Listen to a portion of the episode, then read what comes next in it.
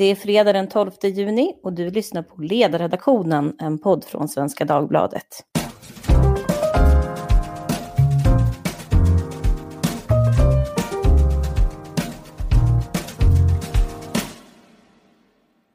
Jag heter Lydia Wåhlsten och idag är det väldigt varmt, i alla fall här i Stockholm. När det är så här varmt då vill man ju helst av allt tänka på andra saker än att vi står mitt i en pandemi och att det mitt bland oss också finns det här osynliga viruset som kryper ner i lungorna för att göra irreversibel skada och i värsta fall döda nära och kära. Men som Folkhälsomyndigheten säger, det gäller att hålla i och att hålla ut. Och därför ska vi prata om vad som har hänt på pandemifronten den senaste tiden egentligen. Går det för Sverige? Vad har Folkhälsomyndigheten sagt på sista tiden? När ska andra länder börja betrakta Sverige som någonting annat än vad katten har släpat in? Med mig för att prata om det denna fredag har jag tre spännande gäster. Men innan vi presenterar dem så tänkte jag påminna om att ni hemskt gärna får gå in på iTunes och recensera podden. Vi fortsätter att växa och det känns jättekul och förra veckan hade vi över 70 000 lyssningar. Men för att kunna fortsätta producera den så behöver vi förstås ha ännu fler. Så eh, recensera oss gärna där och eh, pinga in oss på sociala medier med vad du tycker är bra och dåligt så att vi kan bli bättre. Eh, säga hej till dagens gäster, två nykomlingar och en gammal klassiker.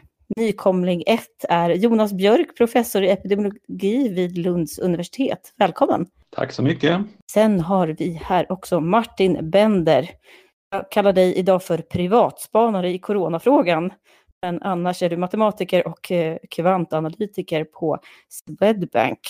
Eh, välkommen! Tack så mycket! Och till sist Henrik Brändén. Det kan vara tredje eller fjärde gången du är med under den här pandemiperioden. Immunolog, författare och vetenskapsskribent som just nu har gett sig i kast med att försöka reda ut varför Folkhälsomyndighetens kommunikation har varit lite svajig eh, under den här perioden. Vi kanske kommer in på det. Jag tänkte att vi ska börja med en uppvärmningsfråga. Och det handlar om att jag såg Anders Tegnell i en sån här sommarkrans för P1 igår. Um, jag tyckte väl att det kändes lite konstigt då när han motiverade vad han skulle prata om. Men eh, hur kände ni? Blev ni glada eller vad, vad kände ni? Vad säger Martin? Skepsis det ordet jag har antecknat. Varför var du skeptisk då? Det tyder på lite dåligt omdöme. Dels att bjuda in honom och dels att han tackade ja. Jag vet inte vilket som är värre. Eh, jag tycker inte att det är riktigt läge för en tjänsteman då som har stort ansvar och inflytande på en akut kris att bli intimiserad på det sättet, i alla fall just nu. Jonas, vad kände du för någonting? Jag tänkte att å ena sidan så har han ju fantastiskt mycket intressant att berätta hur, hur han har hamnat i den här situationen som han ju liksom aldrig någonsin hade kunnat drömma om säkerligen. Men jag tänkte också att, att vi är ju ändå mitt uppe i pandemin och det hade varit klokt att vänta, jag tror både med att bjuda in honom men också av honom att tacka ja till, till längre fram. Henrik, vad kände du då? Du som har Folkhälsomyndigheten i ett eh, kommunikativt koppel just nu. Nej, jag såg upp det och kände herregud, det där tyckte jag var omdömeslöst från alla håll och kanter. Det är av precis de skälen som sagts att det kommer att vara jättespännande att höra hans historia och hans berättelse om det om ett eller två år. Men inte nu när vi står mitt uppe i det. Intressant, då går vi ut med ett, ett, ett konsensus här då, ska vi se om vi kan hålla oss så här eniga under poddens gång. Min första ordentliga fråga för idag, den låter så här. Olika rapporter kommer om hur det går för Sverige. Vi hör dels att antalet bekräftat smittade går upp, men man säger att det beror på att testningen har kommit igång, just för att man då inte ser eh, någon stor ökning på eh, våra IVA-platser. Eh, samtidigt så hör vi också att vi nu i juni ligger på en platå. Jag tittade siffrorna idag, då taktar vi ungefär på 31 döda om dagen nu med ett sånt här rullande sju dagars värde. 4 854 personer har hittills avlidit. Så de som vill se glaset som halvfullt, de gör det och de som vill se det som halvtomt gör det. Vad tycker ni? Går det tillräckligt bra för Sverige i kampen mot corona? Ja eller nej? Jonas? Jag skulle säga att det återstår ju fortfarande att se. Va? Eh, men det ser ju illa ut om man jämför med jämförbara länder. Då tänker jag närmast på våra nordiska grannländer. Så det är klart att vi, vi har drabbats eh, mycket hårdare än exempelvis Norge, Danmark och, och Finland. Men ytterst skulle jag ju liksom vilja vänta med svaret till vi har liksom genomlidit hela pandemin. Det är, riktigt, det är först då vi verkligen har facit. Vad vill du sätta för datum då på din utvärdering? Det är förmodligen säkerligen bortom det här året och det kanske är bortom 2021 också. Henrik, vad säger du? Tycker du att det går tillräckligt bra för Sverige? Nej, det är ju, det är ju, det, det går ju inte att säga. Jag skulle säga datum för när vi kan utvärdera det. Det är när det har kommit ett vaccin i tillräcklig mängd för att riskgrupper kan vaccineras. Då kan vi titta på hur, hur mycket skada har viruset gjort i olika länder och utvärdera det. Men att ha bortåt 5000 döda i ett läge när kanske det mindre, när antagligen mindre än 10% av befolkningen har smittats av viruset. Det blir ju rätt, rätt fasansfulla siffror ifall dödligheten fortsätter vara detsamma hela vägen igenom. Jag tänkte att vi ska prata om det, dels vad vi kan beräkna nu för, för dödstal framöver. Eh, och så. Men innan dess vill jag höra Martin, hur du ser på det här. Eh, jag tycker att det, man kan entydigt, ganska entydigt säga att nej, det går inte tillräckligt bra. Och jag skulle säga att den här platån som man talar om, det är ju naturligtvis bättre än att det skulle dra iväg som man kunde befara då i början. Men det innebär ju också att med samma medel, eller till och med enklare medel, eh, så skulle man kunna hålla den här platån på en mycket lägre nivå. Alltså den, kostnad, den samhällsekonomiska kostnaden eller den samhälleliga kostnaden för att hålla den här, den här så kallade platån då, eh, är, är likvärdiga om vi hade haft en betydligt mindre smittandel i samhället. Och det är ju det som, som eh, våra grannländer har insett och eh, eftersträvat. Så jag tycker definitivt att, och jag tycker också man kan säga att man inte behöver vänta i två år för att utvärdera det. Det, det är strikt bättre att ha väldigt få döda nu jämfört med många döda nu, även om det skulle bli fler döda framöver i, i andra länder. Då får de några veckor till i livet, eller hur tänker du? Ja, ja dels, dels det och dels att, eh, jag menar, hela, hela den där diskussionen att, att eh, utvärderingen kommer sen, det förutsätter på något sätt att Eh, alla, att alla kommer att misslyckas, att eh, viruset bara kommer att stoppas genom eh, någon sorts flockimmunitet genom smitta. Alltså annars, är ju, annars måste ju varje, varje dödsfall vara ett misslyckande. Och eh, i anknytning till det så kommer det ju många, beroende på var man står i den här konflikten, får man väl ändå kalla det, och lutar man sig på olika rapporter och varje dag på Twitter ser man nästan olika prognoser svischar förbi där det säger att det hade inte spelat någon roll om vi hade stängt ner. Igår kom det en rapport från Folkhälsomyndigheten som visade då att eh, smittan kom från många fler länder än från Italien och det skulle då bero på att Sverige har ett särskilt stort resande Eh, och framförallt under sportlovsveckorna. Man pratade om att det var en miljon svenskar, alltså var tionde person som var ute på vift i världen. Jag tänkte höra hur ni ser på den här typen av förklaringsmodell till eh, Sveriges dödstal. Som, som förklaring är den väl inte alltför orimlig att vi fick ett väldigt stort in, att, att vi hade ett väldigt stort antal fall till att börja med så att det blev väldigt många, gick, blev väldigt många sen när det spreds. Men det är ju skillnad mellan förklaring och försvar.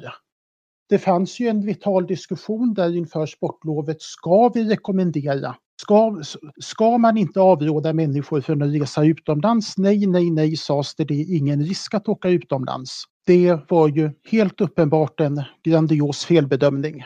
Jonas, jag såg att du har försökt att titta lite djupare på den här frågan. Vad, vad kan du berätta? Ja, alltså det är ju helt klart att jag menar vi, vi är ju ett resande folk va? men det är vi ju inte ensamma att vara. Va? Det är ju flera av våra grannländer som, där man också reser, reser mycket. Va? Så jag tycker det, detta ensamt räcker ju inte som, som förklaring. Va? Och det jag har tittat eh, närmare på det är, är Folkhälsomyndighetens rapport kring alltså, säga, det liksom, genetiska varianterna av viruset och man försöker liksom härleda dem då till olika delar av, av smittspridningen. Och min tolkning av de resultaten är ändå att det liksom dominerande om man tittar på de tester som görs nu och analyseras då genetiskt så, så är liksom fortfarande den dominerande delen kan, kan hänföras till Italien, Österrike, Alp, alpländerna. Så att det, det, jag tycker detta ändå talar för att det, det var väldigt viktigt för den stora smittspridningen som vi sedan fick i Sverige. Vad drar du för slutsats av det där? Tyckte du att det var en felaktig kommunikation igår när man pratade om det här som en man säger, förmildrande omständighet då för svenskt utfall? Delvis. Jag tycker det, var, det finns en diskrepans mellan vad, vad, man faktiskt sa och vad som stod i rapporten och de, de resultat som man redovisade där. Sen, sen är det helt klart att det finns så att säga andra varianter som, som, som med oklar härkomst eller som man kan belägga till andra länder men ändå liksom det stora flertalet ser ut att komma från, från alpländerna och då, då och där, det var vi ju inte ensamma om att vara i Alperna och åka skidor. Det, men samtidigt så var det nog så att exakt de veckorna var, var olyckligt för, för svenskt vidkommande. Till exempel Stockholm ve, vecka 9 då som är ju lite senare än vad man exempelvis hade sitt sportlov i Danmark som typiskt sett är vecka 7 och vecka 8. Och jag tror att varje vecka var väldigt betydelsefull där för hur mycket så att säga, smitta man faktiskt eh, kom hem med. Men om vi hade satt de här personerna som kom därifrån i karantän på ett tydligare sätt då? Menar du att det hade ändå spelat en stor roll? Jag tänker det att, att det, det är ju lätt att vara efterklok va? men hade man varit väldigt tydlig där och sagt att nu, nu har vi ett eh, nytt virus i världen, vi vet inte så mycket om det, vi vet inte så mycket om dess ursprung. Va? Som en extrem försiktighetsåtgärd. Alla ni som varit utomlands, stannar nu hemma tills vidare. Eh, så hade det säkert fått effekt. Va? Ehm, men det är lätt att vara efterklok och säga det. Det visar ju på ett annat problem i den här debatten. Det är att apropå det här att man behöver läsa rapporterna. Det är ju ganska få som behärskar det. Man går ganska hårt då på vad, vad myndigheten i det här fallet kommunicerar. Och Henrik, du har ju då skrivit ett antal artiklar för Alltinget som visar på motsvarande man säga, kommunikationsproblematik då, där man behöver, man behöver göra ett tankeled i flera steg så att säga för att följa med på varför olika saker inte är så där jättelogiska. Då behöver man nästan vara skolad för att förstå det. Då. Men eh, Martin, vad tycker du om den här eh, frågan om, om de inresande? Jag har svårt att, svårt att gå med på den också av, fler, av två, minst två skäl. Alltså dels eh, så stämmer det ju inte att, att Eh, att Sverige hade någon exceptionell situation eh, i början, där i, i mars. Då. Det är först, alltså om man jämför med grannländer, Danmark till exempel, hade vi ju väldigt lika utveckling i, i, eh, i ja, dödstalen där de tidigare veckorna. Eh, så det är ju det, det är inte sant att det är så, så, så stor skillnad. Sen kan hade det naturligtvis varit bra att att eh, vidta kraftigare åtgärder för att, för att, eh, eh, för att förhindra att den här spridningen tog fart. Då. Eh, och det, det, är min andra poäng. Då, att jag menar, det, det skillnaden det här skulle ha gjort är ju att eh, fördröja förloppet. Jag menar, nu, nu har vi ju en samhällsspridning som är många, många gånger fler smittade än det antalet som fanns då. Så att det, den effekten som det eventuellt skulle ha då, att, att få en stor, eh, en stor grupp av eh, inkommande smittade skulle ju vara att, att eh, förloppet försköts något i tiden, någon, någon, vecka eller två så att säga. Men, men menar, givet att vi har haft den här smittsutvecklingen mm, i, i samhällsspridningen så, så eh, är det ju inte det som förklarar att vi har de liksom, flera procent av befolkningen smittade nu. Intressant, du jobbar ju på en eh, bank när du inte är då privatspanare i coronafrågan. Exakt. Och eh, det kom ju en rapport ganska tidigt från McKinsey som visade just att den här tidiga isoleringen hade betytt väldigt mycket i ekonomiskt hänseende. Eh, just för att kunna liksom bromsa den här kurvan lite tidigare då. Men jag tänkte att vi ska gå igenom vad som har hänt i veckan generellt. En annan sån här studie som har diskuterats mycket, det är, den kommer från Italien, handlar om området Bergamo. Visade att eh, invånare där, eller i områden egentligen, inom detta område, uppnått flockimmunitet. Och eh, det här har diskuterats då och tagits upp på presskonferenserna, kanske med en förhoppning om att också Sverige faktiskt skulle kunna nå dit. Och då är min fråga hur man ska se på den här studien. Ja, jag har tittat på det och som, som, alltid försöker jag dyka ner bakom så att säga tidningsrubrikerna och verkligen gå, leta upp rapporten för att läsa och förstå den eftersom det ju liksom är mitt mitt område. Just den här har jag inte lyckats hitta som rapport. Den finns väldigt så att säga, knapphändigt beskrivet och därför är det väldigt svårt att, så att säga, från ett vetenskapligt perspektiv bedöma kvaliteten. Va? Eh, det den ju ändå visar då va, är ju så att säga potentiellt eh, goda nyheter, va? det vill säga att man var uppe mot en eh, hälften ungefär av de testade och det är en stor grupp, det är ungefär 10 000 personer som man har testat va? Och, och att hälften av dem då bär på antikroppar. Men det finns flera reservationer ändå i den här studien. Va? För det, man har förutom det här med, med liksom kvalitetsaspekterna så verkar man i efterhand gått in och ändrat sig när det gäller representativiteten. Först sa man någonting om att, att det var i princip ett slumpmässigt urval och att den därför skulle vara liksom representativ. Senare så har man sagt att eh, flesta ändå var boende i, i de absolut värst drabbade områdena. Eh, och den går ju också stick i stäv med andra liknande studier. Det har precis kommit en i Lancet då som ju är vetenskapligt granskad från Genève som ju också har varit väldigt hårt drabbat. Va? Och den visade bara att befolkningen, att det var drygt 5 till 10 procent av befolkningen där som bar på antikroppar. Så det är liksom en stor Eh, variation i resultaten här va? och det, det, är nästan som att man tänker att det är för bra för att vara sant det man ser från Bergamo. Va? Men det är som sagt svårt att bedöma när man inte har sett eh, själva rapporten. Men stämmer det så är det ju väldigt uppmuntrande ur en helt annan synpunkt, nämligen att om så många som 50 procent svarar positivt på antikroppstester så kan det ju inte finnas några enorma systematiska problem med antikroppstesternas förmåga att hitta antikropparna. Jonas, jag tänkte fråga dig för att göra liksom en helhetsbedömning då kring den här immunitetsfrågan. Men en annan sak är ju frågan om dödlighet då. Jag bara såg swisha förbi att om man tittar just på Bergamo och det här området så skulle det prata om en dödlighet kring 1 procent, vilket ju är väldigt högt. Ja, det är det. Eh, samtidigt, jag har ett lite annat synsätt där. Det diskuteras mycket dödligheten överordnat om är den halv procent, är den en procent eller hur hög den är den. Va? Och då ska man komma ihåg att det här är ju liksom inte på förhand givet utan det beror ju ytterst på hur, hur, hur duktiga och bra vi är på att, att skydda riskgrupperna. Det är ju så att, att ändå stora grupper har väldigt låg eller nästan ingen dödsrisk alls va? medan vi har andra grupper där dödsrisken är, är väldigt, väldigt hög. Va? Och det, det vi ser på befolkningsnivå är ju ett slags vägt medelvärden mellan de här ytterligheterna och det, och det är där jag ändå tänker att liksom eh, bra insatser, bra interventioner så att säga kan så att säga styra ner dödligheten. Intressant, för att det är ju en av de här stora frågorna då, om den här strategin överhuvudtaget går att isolera riskgrupper.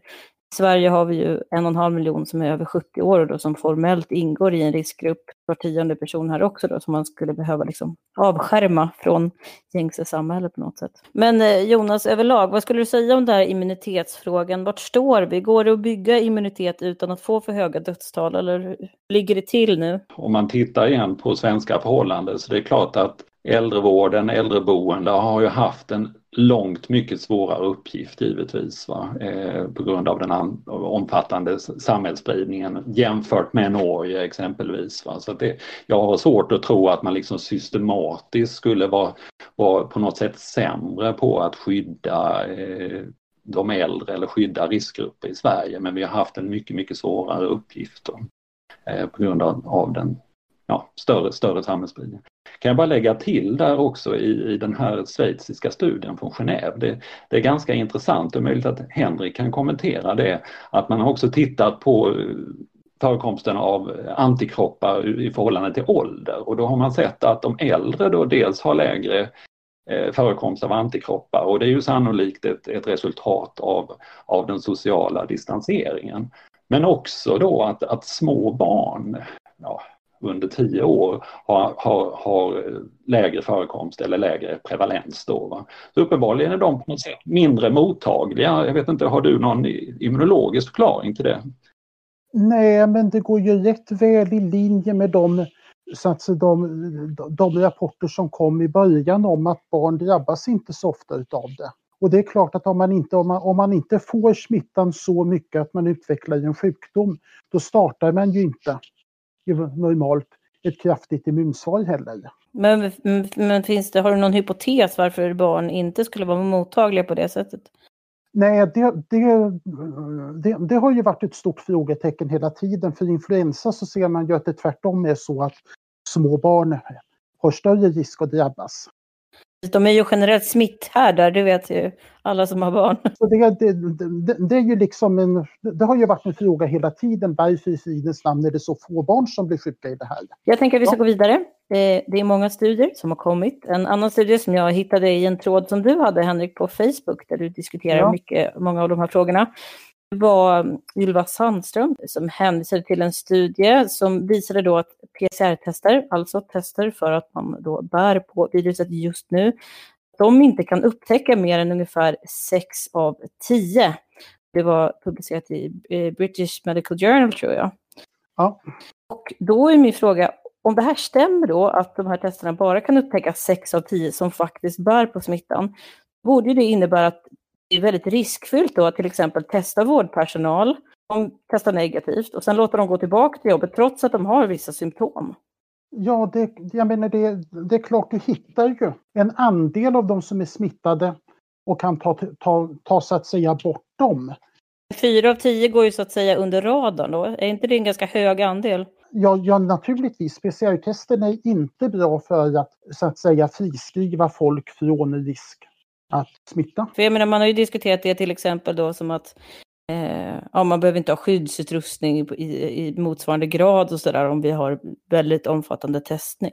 Det är ju allmänt sett så att diagnostiska test har liksom olika syften, olika styrkor och svagheter. Va? Och det här är ju då en situation där testet först och främst på individnivå är, är användbart om det är positivt. Va? För då, då, då vet man ändå att det är hög säkerhet att, att vederbörande faktiskt har sjukdomen och man, man kan isolera, man kan smittspåra och så vidare. Eh, däremot är det negativt så är man inte lika säkert. Va? Så där, där då kombinerat med symptom så, så är det ju så att då, då ska man ju ändå stanna hemma va? för säkerhets skull. Va? För man kan inte utesluta att det här är ett, så att säga, ett falskt negativt resultat.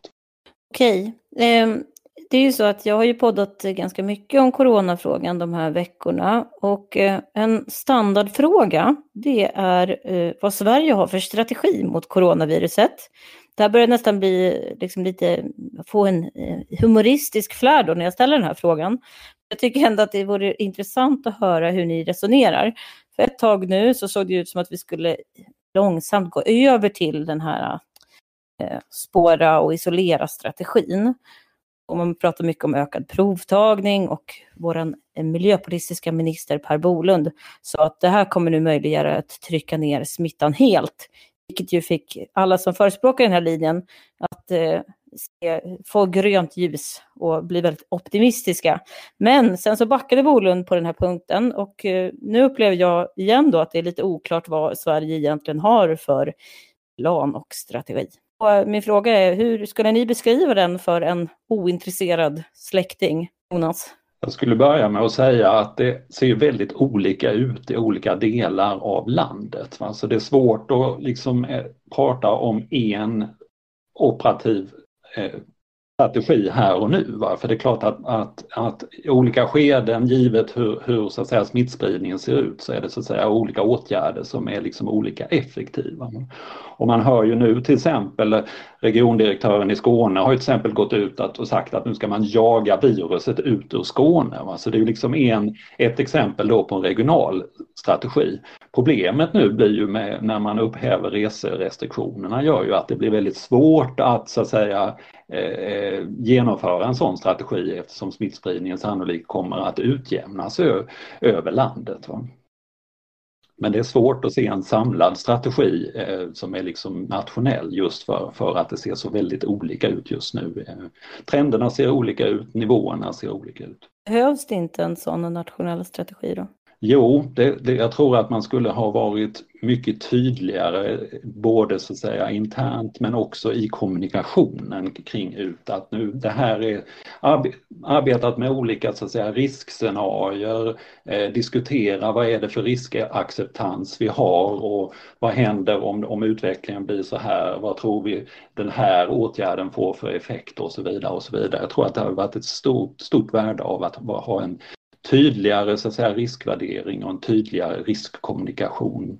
Eh, både internt och ut mot, mot allmänheten. Din upplevelse är att eh, Skåne är liksom hårdast ut nu. Det har diskuterats att även i Gävleborg så har man haft den här tri triologin av ord, men eh, spåra och isolera strategin. Skåne ska försöka slå in på den det det som är din uppfattning nu? Det är det man har sagt nu. Man har sagt också att man inte riktigt är, alltså smittläget är att man inte riktigt här och nu kan göra det men, men att man så att säga förbereder för det är, är det man har sagt. Martin, vad, vad säger du? Ja, jag tycker man får ju skilja på eh, vad man, vad man borde ha för strategi och vad man faktiskt har för strategi. Jag menar, jag håller ju med om att de här regionerna där, där det är så pass begränsad spridning att man kanske nästan kan, kan använda sig av spårning och isolering. Telefonkedjan, där man kan ringa runt. Ja. Exakt, exakt. Eh, så är det naturligtvis det man borde göra, men jag, jag, kan inte se några tecken på att det finns en sån central strategi ens för de regionerna. Just med tanke till exempel då på det här resande, eh, lättare reserestriktioner och hela kommunikationen från politiker och myndighet som, eh, som verkar väldigt eh, eh skeptiskt inställd till den hela den, den strategin.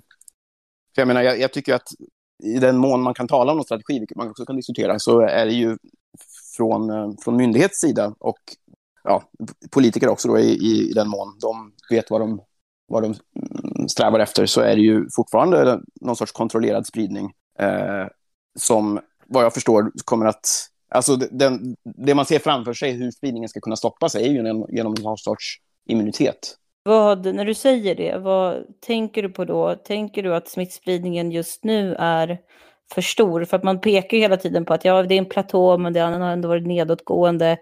Och liksom vårt R-värde befinner sig bland motsvarande länder. Vi har liksom nått dit utan eh, samma strategi.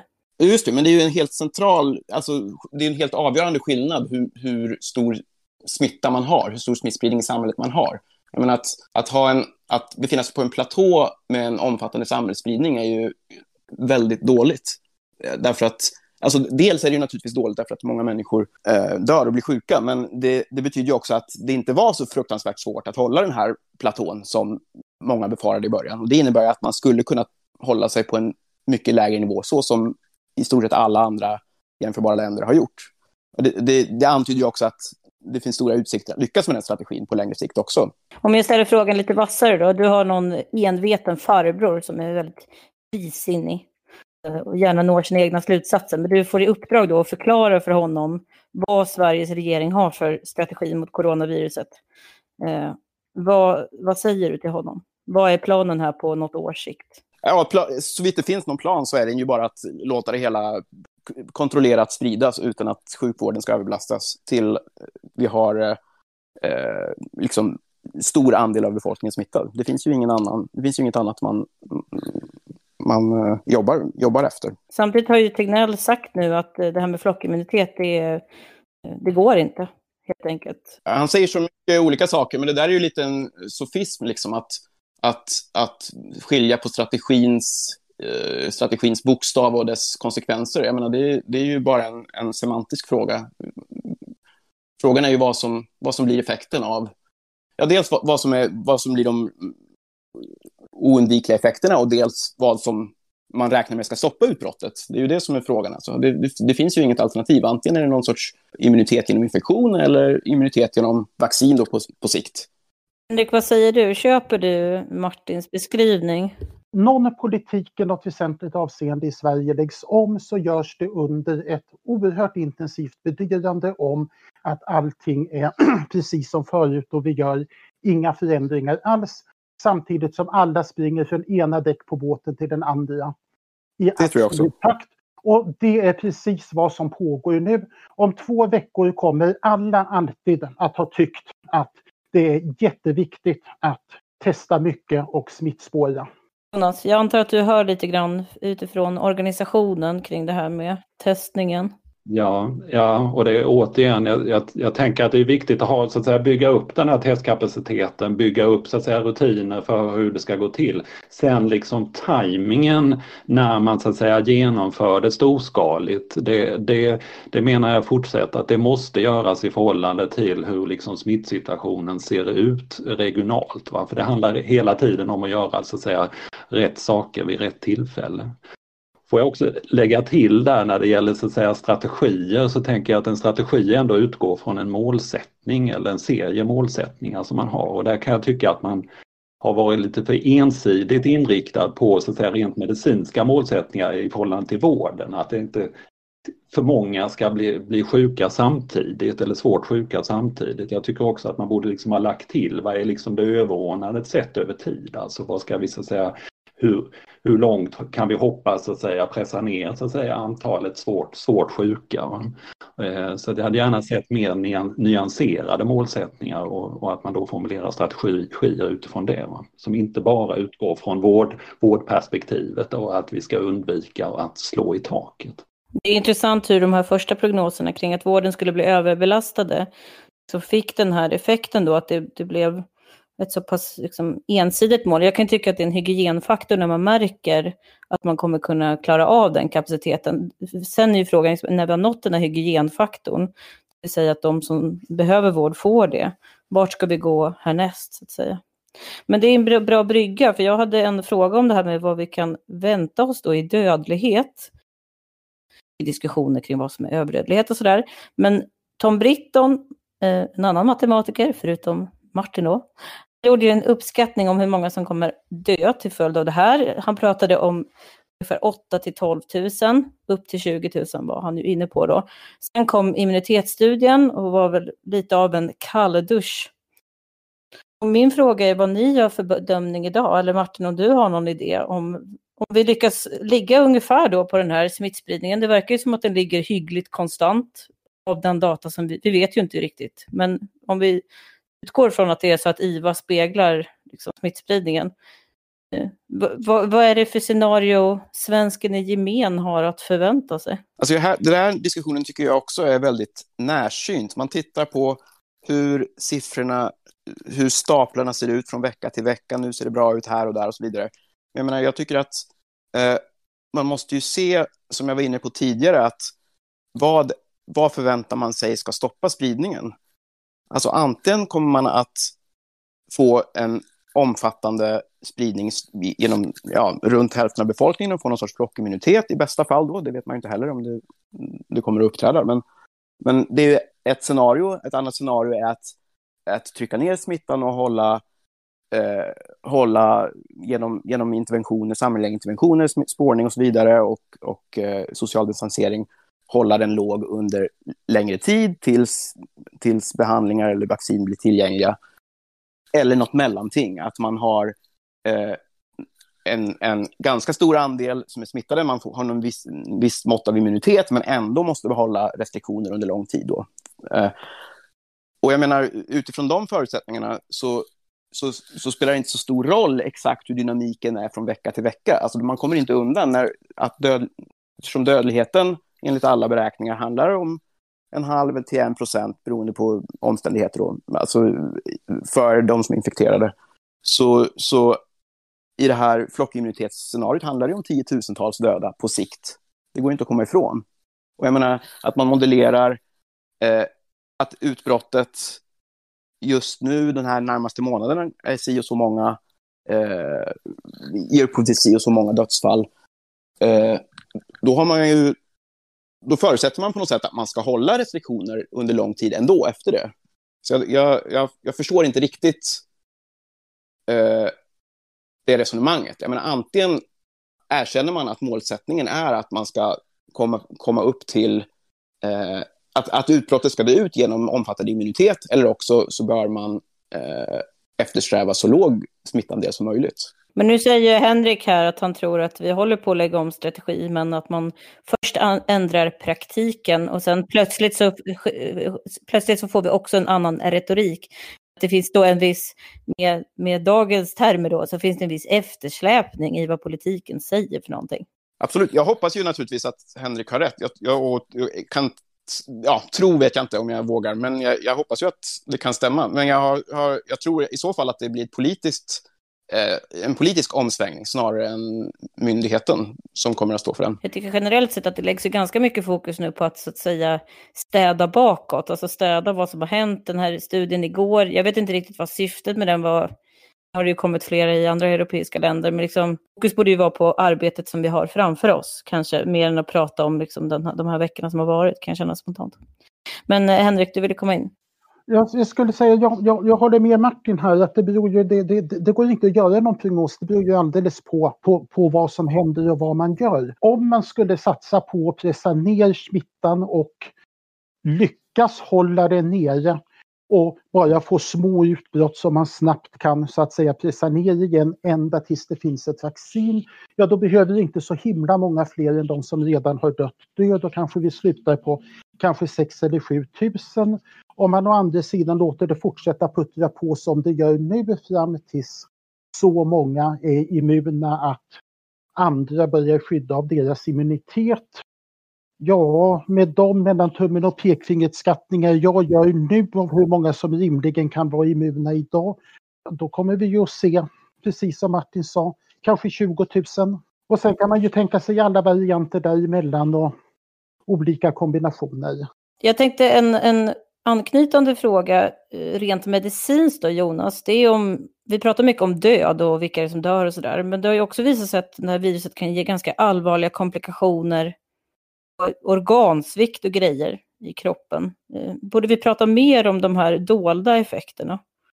Ja, jag, jag, tycker nog det. Men alltså det är ju en sjukdom som slår väldigt, väldigt olika och många blir, blir svårt sjuka och eh, under lång tid. Va? Och det är ju så att säga ett stort, stort lidande i sig. Va? Eh, och jag tror också att det kommer vara väldigt viktigt att i efterhand studera systematiskt vad, vad vad har det inneburit för människor att ha haft eh, covid-19 och kanske så att säga svår covid-19? Påverkar det så att säga dödligheten eller risken för sjukdomar av andra orsaker, så att säga, eller risk för död av andra orsaker längre fram? Det, det kommer vara väldigt viktigt tror jag att studera och det har vi också goda möjligheter att göra framgent. För, för jag menar hos en andel av de som överlever så blir det ju ordentliga skador och ärr inne i lungvävnaden, att skadorna i lungvävnaden blir så, så stora att de inte läker ut utan det bildas ärr. Och ärr inne i lungorna är ju jobbiga att leva med sen. Vi eh, går raskt vidare till slutet av veckan då, som vi har genomgått. Imorgon så kommer de eh, reserestriktioner vi har haft i Sverige att upphävas. Och på Facebook så såg jag Henrik att du skrev då, eh, för att du har varit väldigt optimistisk i egenansvarslinjen, du skrev då att svenskar i februari-mars och svenskar i början av juni, det är inte riktigt samma sak. Det vill säga att eh, karaktären är också kopplad till var, var solguden befinner sig. Min fråga är om ni tycker att det är bra att restriktionerna hävs just nu, Jonas?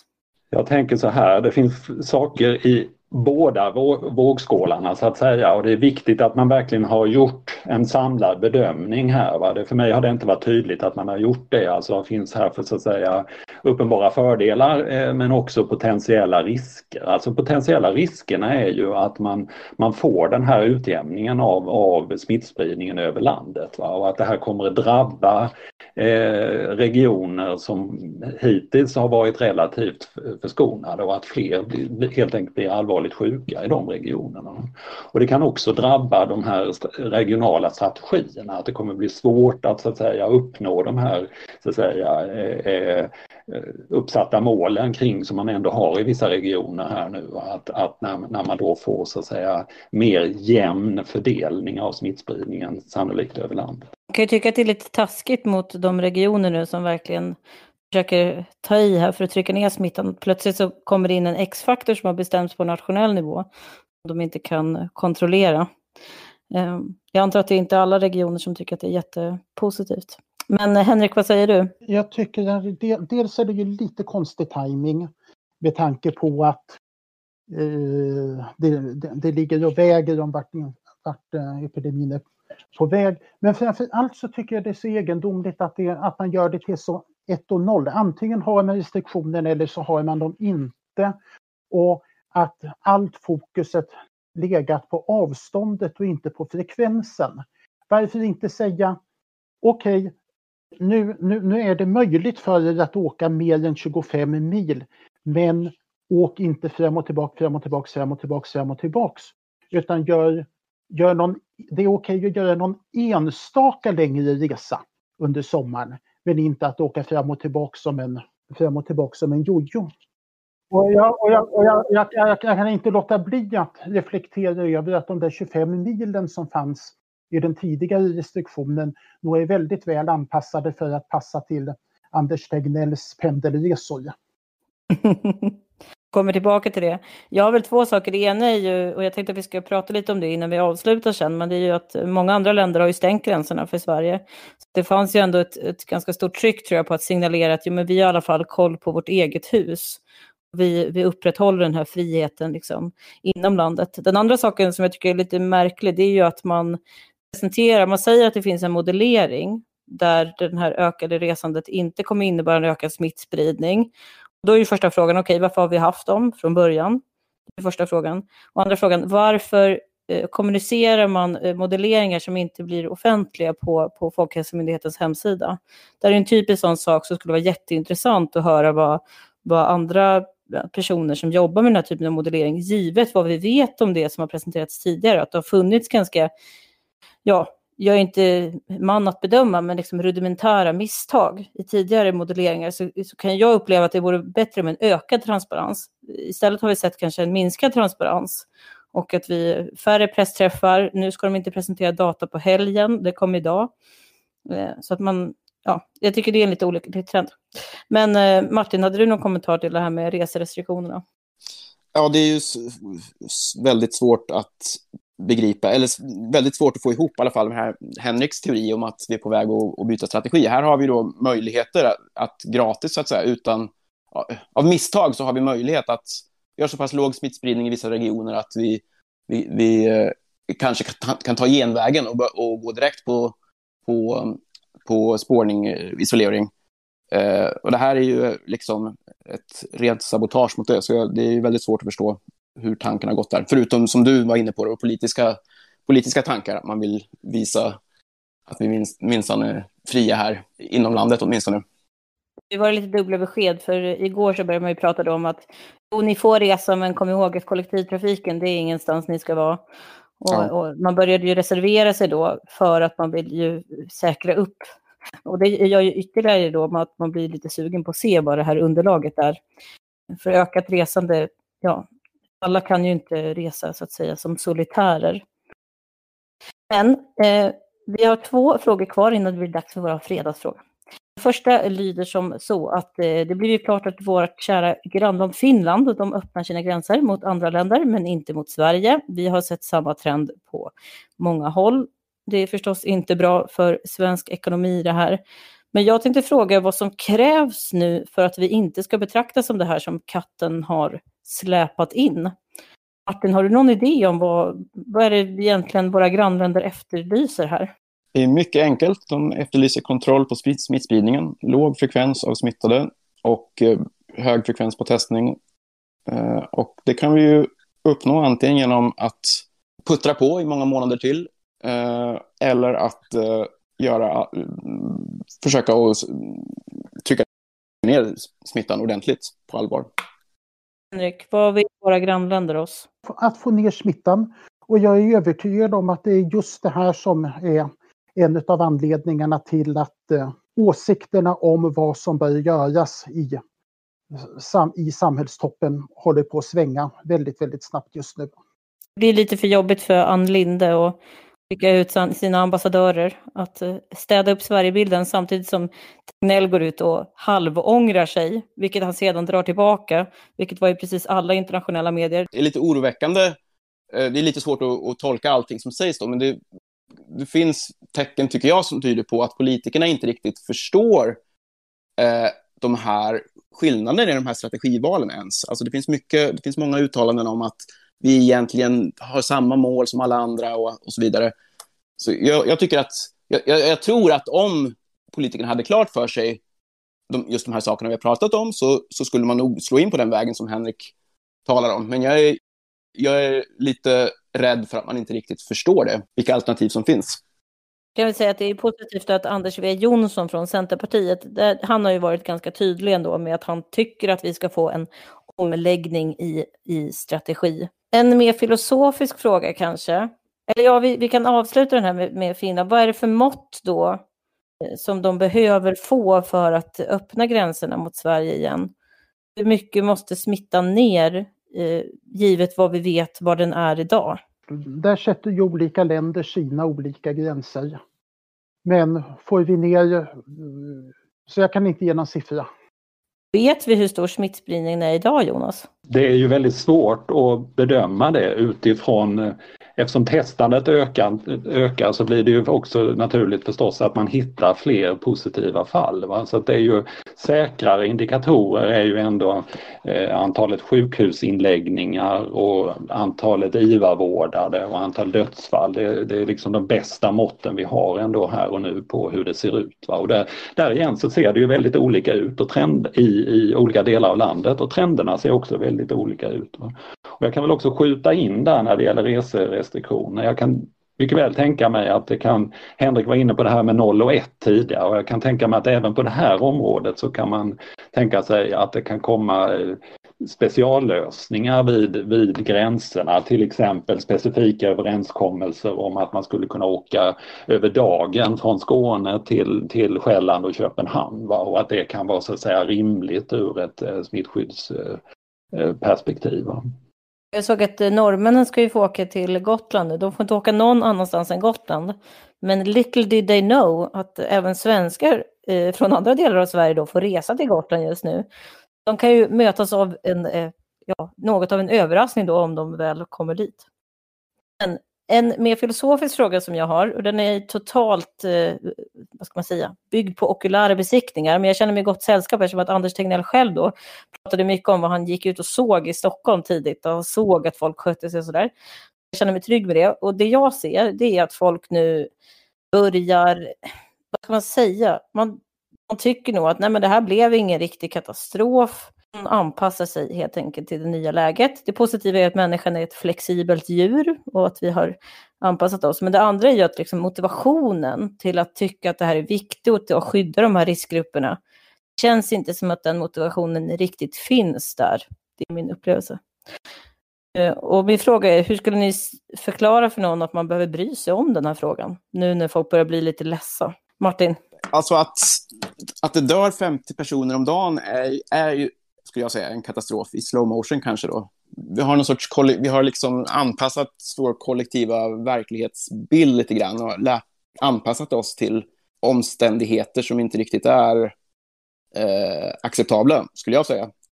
Eh, och som jag varit inne på tidigare så, så är det ju mer, alltså det faktum att det inte blev en sån explosiv katastrof med, med överbelastad sjukvård inom bara några veckor eller månader det, det är ju ett argument för att det, det, är fullt möjligt att ha en, en kontrollerad eh, smitta på en mycket lägre nivå. Så att, jag, menar, jag tycker att det, det ja, jag vet inte hur jag ska, jag vet inte hur jag ska övertyga den, den skeptiska allmänheten, men jag tycker att det, det, det är väldigt svårt att se det som en, en acceptabel situation att puttra på på den här nivån.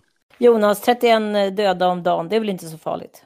Alltså det handlar ju om att se bortom sig själv. Varför ska vi fortsätta att vara försiktiga och, och, inte föra smittan vidare? Det handlar ju om att även om man då inte själv tillhör riskgruppen så är det klart att man då, då potentiellt utsätter all, andra människor då, eh, för mycket hög risk då för all, antingen svår sjukdom eller död. Va? Så det är klart det handlar om att se, se bortom den egna inse att även om man själv så tänker att eh, jag, jag klarar mig säkert va? så handlar det om ytterst om att vara mån om andra. Va? Och det måste vi fortsätta vara. Det handlar ju om ens egna föräldrar eller farföräldrar, ens kompisars eller vänners föräldrar och farföräldrar. Även om man själv bara umgås med andra medelålders och unga så umgås sen de med någon som umgås med någon som umgås med människor i riskgrupperna. Och varje gång man inte är tillräckligt försiktig så riskerar man en annan människas liv tänker nu på alla tekniska lösningar som inte har blivit i, i den här pandemin. MSB skulle ju utveckla en app, den skrotades. Men eh, nu tänker jag bara liksom fritt då, att man skulle kunna tänka sig ett sådant omsorgnadsträd, precis som ett DNA-träd. Som du säger Henrik, att det kanske är bara ett steg bort eller två steg bort där det befinner sig någon som faktiskt de facto skulle kunna riskera livet av det beteende som man själv har. Jag saknar kanske lite grann av de här kreativa visualiseringarna för att hålla moralen uppe i den här pandemin. Så om det sitter någon bolagsmänniska där ute och lyssnar på det här så får ni gärna komma med någonting. En annan sak att lägga till här är att det är inte alltid heller glasklart om man är i en riskgrupp eller inte. Vi ser ju att sjukdomen slår väldigt olika va? och även så att säga till synes friska människor kan drabbas hårt. Va? Så det, det är ju också så här om man ändå gå tillbaka till sig själv så, så är det ju ytterligare en, en anledning. Det hör ni, den muntra noten eh, ska vi ta eh, sista frågan, vår fredagsfråga. Det är om ni har några tips till våra lyssnare om vad de borde göra i helgen. Jonas?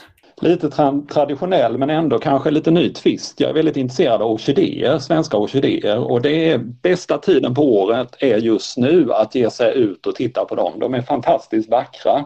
Och nu kan vi åka lite längre så även om man inte har dem nästgårds så kan man åka lite längre bort. Va? Och man träffar inte så många ute i de här orkidémarkerna så det är ingen större smitt, eh, smittorisk heller.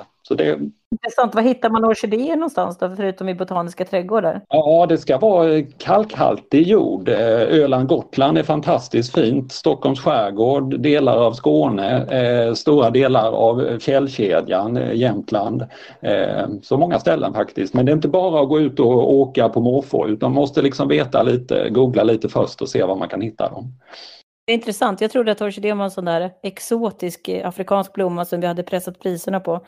Eh, det, det var växter om vilt alltså, det var intressant. Henrik? Fast de svenska orkidéerna är lite mindre än de här som man köper importerade från Thailand i blomsteraffären. Ut i hagmark. Är man ute och går i hagarna så är det lätt att hålla två meters avstånd från varann och det luktar så gott utav alla av gräset och alla försommarblommor just nu. Och dessutom så det, har det regnat så pass lite så det är inte jätteklafsigt. Bra, då ska jag avsluta podden idag med, lite, med några strofer från Ut i vår hage. Och med det Martin, då får du avsluta. Vad är tipset? Alltså, det är en syntes av eh, vad Jonas och Henrik sa. Jag tycker också man ska vara ute i naturen, eh, hålla avståndet. Eh, orkidéerna hade inte jag räknat med, men det var en bonus. Bra tips. Och det var det. Vi ska helt enkelt ut på tur, som de säger i Norge.